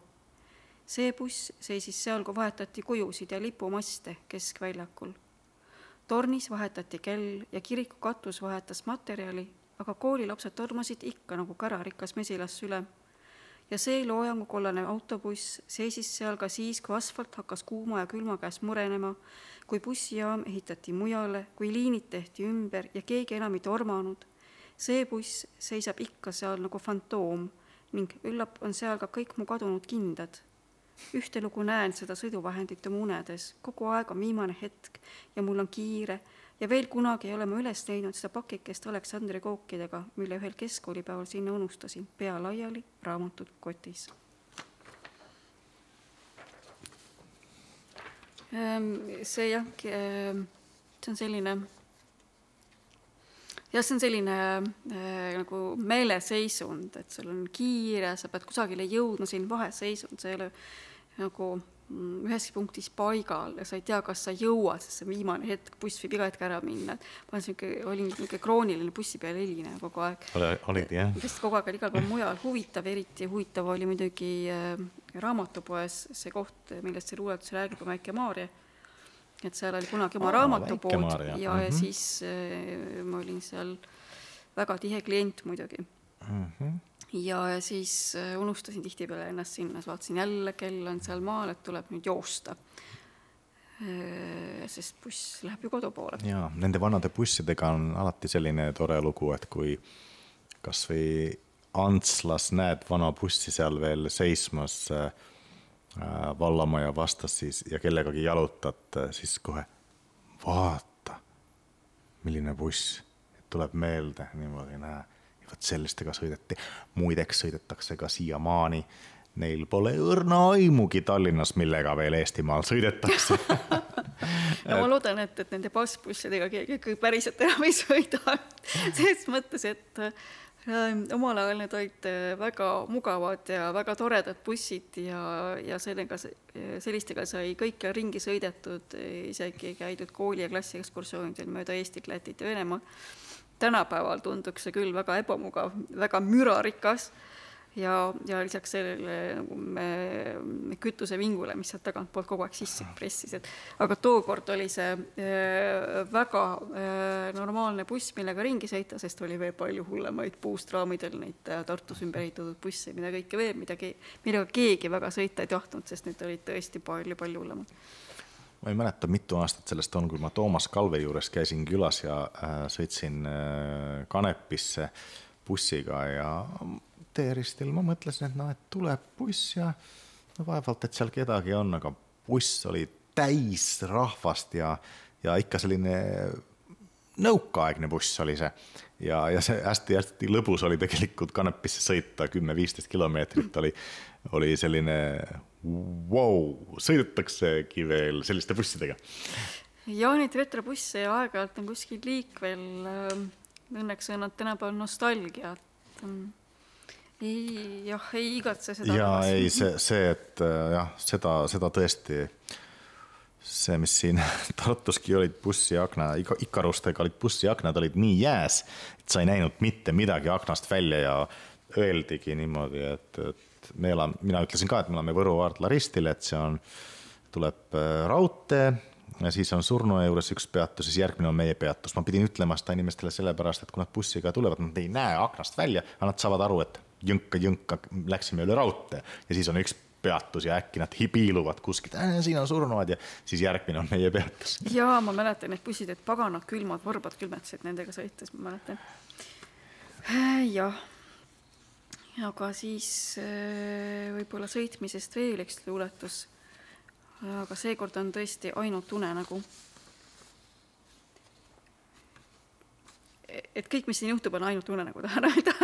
hästi, siis me siis. ei mingeid järeldusi äh, püüame sellega arvestada. kõik kellad näitavad halastamatult üht sama aega, üheksateist nelikümmend seitse ja kohe tuleb minna. Kohvrid on enam-vähem pakitud, Jaapani armuke on kaootiline ja otsustusvõimetu, kass tahab hoolt ja söötmist, rong tahab sõiduplaani järgi ära sõita, kõik tahavad midagi. Kell või aeg ei taha seista, plaanid ei taha muutuda. lõpuks rebid end tunnetest lahti, astud õue, kogu maailm on kärarikkad su ümber, nagu oleksid kuu aega pimedas koopas elanud, värvid on intensiivsed, kära vormub inimesteks ja hooneteks, isegi rohi on täis sumisevaid pisimutukaid. Jaamas kaos, rong läheb alati sellelt platvormilt, mida üles ei leia. küsida pole kelleltki, keelt ei oska, suu ei räägi, ainult seisad, vaatad rongi lahkumist armuke helistab, ikka veel ei tea, mida kõike peaks kaasa võtma. võtku ainult ennast, aga tal on vaja särke ja pesu ja kingi ja kõike tohutus koguses. süda on kurb, kingad on tolmused. kass ootab kodus ja õiget rongi tuleb veel oodata. lõpuks tuleb, kuid jääb poolel teel seisma rikke tõttu. täiuslik limbo kusagil vahejaamas, mõttes tühjus ja lennujaam kui vältimatu tulevik. aga hetkel hõljud teadmatuses. siis on see möödas.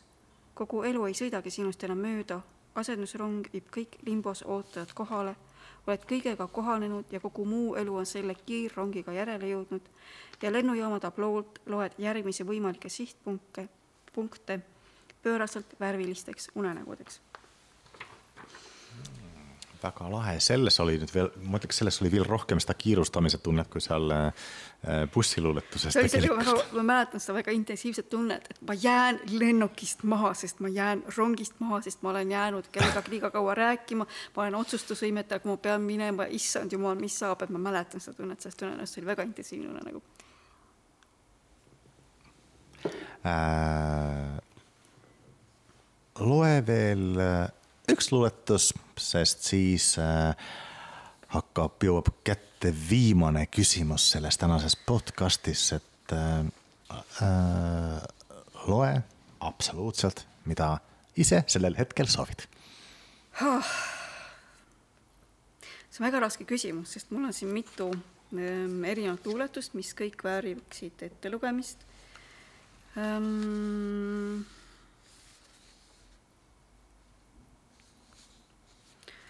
Kas see võib olla morbiidne? muideks, see tume pool, ma sellele ei tahtnud või ei tulnud pähe sellele, ma ei ole nii tume inimene, mulle, ma ei tahtnud sellest sõnast kinni haarata. aga võib, võib, väga võib, tõesti, see, see on minu meelest täiesti normaalne, kui inimene ka äh, vananedes äh, hakkab ka mõtlema tumedatele jõududele. see, see, see oleks veidi imelik, kui kui nii ei juhtuks. ütleme nii, et ma ei saa öelda, et sellist vananedes minuni on jõudnud. ma olen mingil eluperioodil ikkagi koot ka olnud. oled ka või? näe, päris mm. koot. no vot, mhm. kuhu me alles jõudsime saate lõpus. aga mis selle, mis selle äh,, kuidas, kuidas siis, kuidas sa, mis sa mingi hetk mõtlesid, et sa enam ei taha olla koot? ei, mitte seda, aga et et ähm, praegu on sul punased püksid, sinine särk ja sinised juuksed nagu silmad. Äh, koot selles mõttes, see on, ähm, ei pea olema, ei pea välja nägema nagu lastud vares, ütleme niimoodi. ei pea, vaid ma arvasin, et peab. olen näinud niimoodi aga, välja küll. aga küüned on sul küll mustad. et äh, see on küll koot. jah, et äh, kootid võivad olla ka väga värvilised, isegi roosasid koote on olemas. on jah? on et küllap äh, ma olen seda kõike edasi. no aga nad ei näe koodid välja, kui nad on roosad. nojah si, aga sellest nad... neil on huuled mustad ja nii edasi nagu. Ma arvan, et nad näevad välja rohkem animefilmist või no, koomiksist karanud seltskond. Äh, mitmeid allhoovusi sellel, nii et äh, võib-olla mitut aga sa kuulasid siis mm. kooti rokki ka või? jaa, eks ma kuulan ta siiamaani, igasugust mm.. no siis tumeluuletus palun väga uh, selle peale ma ei teagi, kas ma tahan tumedat lugeda. nojah, jälle ma rikkusin ära selle. ei, sa ei rikkunud ära, aga lihtsalt äh, ma mõtlen. tumeda hetke. Äh, või ma loen kaks luuletust järjest, võib ka nii olla. lase käia ähm,. hea küll, kõigepealt üks unenägu ja siis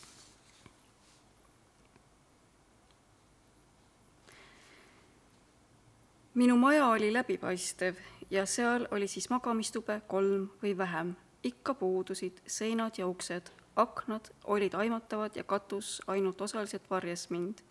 ja tuul tõi lehed ja tõi tolmu ja aastaajad ja lume ja tüdimuse. otse kui asfaldil oleksin oma susse paigutanud ja patju kloppinud. televiisor kuulinurgas, sest see hingemaja maja ei olnudki, ainult aimatav, ainult tajutavad tugisambad ja sarikad justkui elaksin alatises sügises, mäenõllu kaela varisemas, pori jalge all, külm vihm pidevalt ja üksindus ja üksindus ja ikka see vihmavesi praepannil, määnduvad lehed kleepuvad talla alla ja polegi enam kohta, kuhu magama heita. ja juba olengi nähtamatu, jalgrattaga poisike võib mu majast läbi sõita, see on tänav.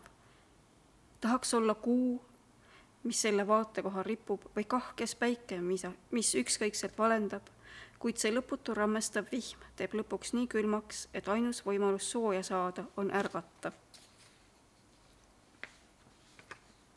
ja siis äh, see lastud varese luuletus, kui võib nii nimetada, see gootilik ähm,, selles mõttes see ei ole nagu ähm, ma ei oskagi öelda, kuidas seda olendit siin nimetada, mis, mida ma või keda ma siin kirjeldan aga.... no ei, ta ei ole goot selles mõttes, otseses mõttes, aga ta on niisugune gootilikest meeleoludest kantud natukene selline poolmütoloogiline. surmalind must vares oma kaame terava näoga mulle liiga ligidal. su suled võbelevad, nagu hingaksid sa selle läikiva tint ja rüüga. su silmad kaks musta punkti su käed nii peenutsevad suu juures, pea viltu mind silmitsed, su varesejalad tammuvad teravaid jälgi, su puhevilt tantsust mu ümber saab peatselt päevi. Ikka pea poolenisti kuu poole keeratud, silmanurgast keerlevad varjud ja pealtnäha sõbralik uudishimu.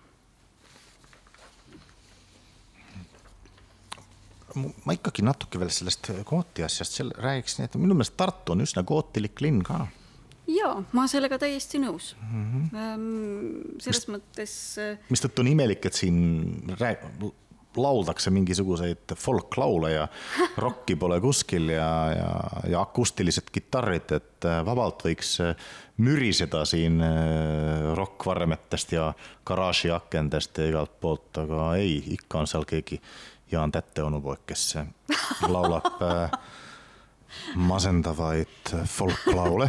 Liiga, liiga optimistlik sinu jaoks, ma saan aru. Ei, ma, mulle lihtsalt, mul lihtsalt ei, ei, ei, ei, ei ole, mul ei ole, ma ei ole, ma, mul on vaja ka ikkagi sellist noh, kosmikuid või. korralikku Soome hevimuusika. või, jah, just, et äh, nii on, et et ma olen ise ju pärit Kite linnast, kust on ka Nightwish ja, ja seal tegelikult ei, ei keelatud, pigem julgustati noori omal ajal tegema sellist muusikat, nagu nad tahavad, joonistama nii mustasid pilte, nagu nad tahavad.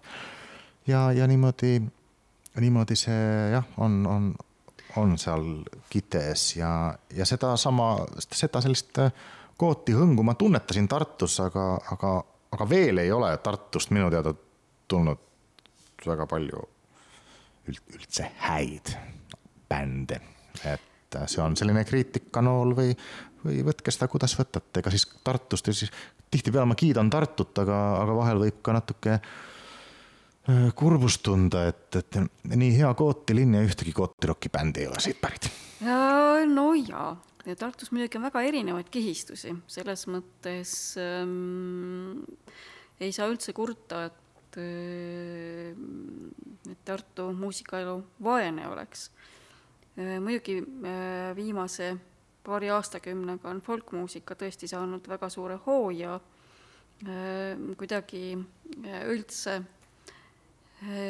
rahvaluule on midagi sellist, mis väga paljudele põnevust pakub, mis iseenesest on muidugi väga tore, sest et sealt, selle pinnalt saab teha väga erinevat asja nii kirjanduses, muusikas, kunstis ükskõik kus, kui sa mõtled metsatõllu peale mm. -hmm.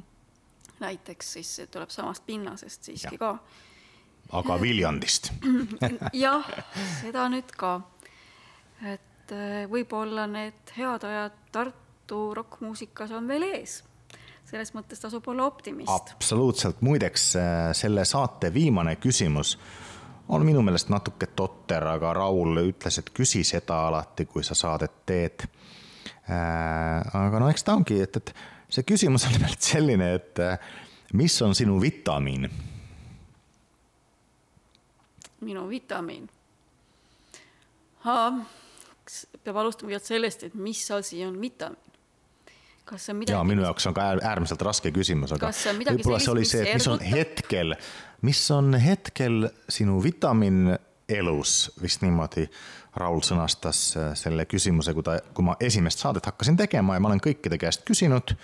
ja väga põnev on olnud see, et kõik on vastanud äh, ka erinevalt. ja, vitamiin hmm see just nagu um, viitaks millelegi positiivsele, võib-olla see on mingi stereotüüpvitamiinid, sellised ilusad, heledad, erksevärvilised äh, ja hmm. ja psühholoogid kasutavad äh, sellist väljendit äh, jah, vitamiin, kunstvitamiin ja mis iganes, ühesõnaga, et noh, et, et noh, et, et vitamiiniks saab psühholoogide kõnepruugis olla kõik see, mis on positiivne, eks ole, mis annab elule parema kaalu ja parema väljavaate ja kõik muu. aga mis on minu jaoks vitamiin praegu? või üleüldse, ma arvan, et minu jaoks on vitamiin siiski kõige rohkem, mis mind kuidagiviisi aktiveerib või, või mis kuidagi mõjub mulle vitamiinina, siis ütleme kuidagi nii, on, üks on see, kui ma ise kirjutan, see on minu jaoks kõige parem seisund üleüldse ähm,, siis äh, muidugi, kui ma loen midagi väga head, see väga hea ei tähenda alati ilukirjandust, see võib olla midagi muud, huvitav uus teadmine, midagi, mida saab seostada olemasoleva teadmisega, selle pinnalt kuidagi edasi areneda. Ähm,. ja Äh, siis äh, ma arvan, et äh, ka kaasaegne kunst ja muusika, et ma ei oskagi sulle nagu ühe, ühte ainsat sõna öelda vastuseks, et ma peangi laialt sulle vastama. et kui ma tahan ähm, nüüd äh, psühholoogide mõistes äh, vitamiinist rääkida, siis äh, see ongi just see, et, et see on see, millega saad sa ennast üle ujutada, selle, selles kõige hea sisse minna ja siis see on see, mis nagu aitab sinusse positiivsust kasvatada ja depressiivsust vähendada, see on siis see vitamiin psühholoogide mõistes. ja minu jaoks on siis kõik see, mida ma juba ütlesin, kõige hetkel kõige suurem vitamiin võib olla tõesti kirjutamise, no ütleme, et kirjutamine, see on alati, et see, et see on see, mille kaudu siis ma ka ennast siis defineerin selles mõttes, et ähm, muusika, Gary Newman ähm,, mul on plaanis täna juba kolmandat korda vaadata tema viimase plaadi esituskontserti jah ja täna, kui ma valmistusin selle podcasti jaoks, siis ma kuulasin teist oma suurt lemmikut, Winged Victor Fossil. et jah, see on minu vastus sulle. Hmm.. ma mõtlesin, et kas sa jõuad äh, sinna selles mõttes ka kunstide kaudu sinna muusikani, sest äh, kuidagi nendel päevadel, ma olen ka kuulanud, ma mõtlen nendel päevadel, ma räägin sellest tohutust äh, palavast ajast juulis, kui vett ei tule ja ei tule ja siis äh, kõik aknad on lahti ja oot-, vaatad, kust käiks see kõige rohkem, see jahutav tuul, siis äh, huvitaval kombel ma kuulan ka päris palju äh, muusikat. see sobib kuidagi, et kui see sobib väga hästi äh, Tartu linna, kõik aknad on lahti, et lasta siis äh, muusikal ka pisut äh, valguda üle linna. jah, nagu irooniliselt nagu teismeline, et, et äh, volüüm põhja, kõlarid puruks et no. Äh, seda, seda ma olen teismelisena teinud küll jah, ma olin omas tänavas, olime õega ainsad tookord, kes, kes siis rokkmuusikat niimoodi kõlada kõigil lahkelt lasi. et ülejäänud, ülejäänud eakaaslased kuulasid midagi muud, et vot see, see on, ma olen siiamaani ma pean vist kolima korterist ära, kuna mulle meeldib ka kuulata muusikat, nii et, et ka kostab. ja teise tuppa, et võib nõusid pesta köögis ja suures toas mängib muusika ja ansambel on, on siinsamas ümberringi. see on, see on, see on hetkel ka, muideks see on, mul on, mul oleks endal väga raske ka vastata, mis on minu vitamiin, aga ma arvan, et praegu isegi see midagi niisugust on, et see, see see aitab sellest, sellest äh, leitsakust kuidagi üle olla, et noh, tuleb see rütm nagu, see paneb, paneb südame käima ja vere liikuma. see hoiab kuidagi aktiivsena või hoiab tempot või et selles mõttes, et muidu selles päikse käes mul tunne, et nagu sulatõra või valgud laiali, et, et see noh, nagu ei ole ja. selles mõttes äh, väga kuuma talub inimene, et, et minust mm -hmm. ei mhm. saa sellist inimest, kes äh, igal suvel kusagil ja. Egiptusesse või, või Kanaaridele reisib, sest et see minu jaoks on talumatu. et ma olen pigem selline äh, jahedama suve nautija. ma olin ükskord seitse nädalat Kreekas augustis, septembris ja kogu aeg oli palav ja ma mõtlesin, et esimene nädal, ma siis hakkan ära harjuma ja ma ei harjunud selle seitsme nädalaga üldse ära. kui ma tulin Tallinnasse lennujaamast, tundsin niimoodi nagu, et nüüd ma ärkasin talveunest nagu karu. Niimoodi, et see, see on õige temperatuur minusugusele inimesele äh,. aitäh, et äh, tulid täna, meil oli mõnus vestlus ja mõnusalt jahe ka siin äh, Tartu poes. kui linnas on liiga palav, siis äh, siin on tõesti aparaaditehases äh, meeldiv õhk ja suured ventilaatorid laes ka. sellega me lõpetame, aitäh. Aitäh sulle, et kutsusid. Tartu Hääl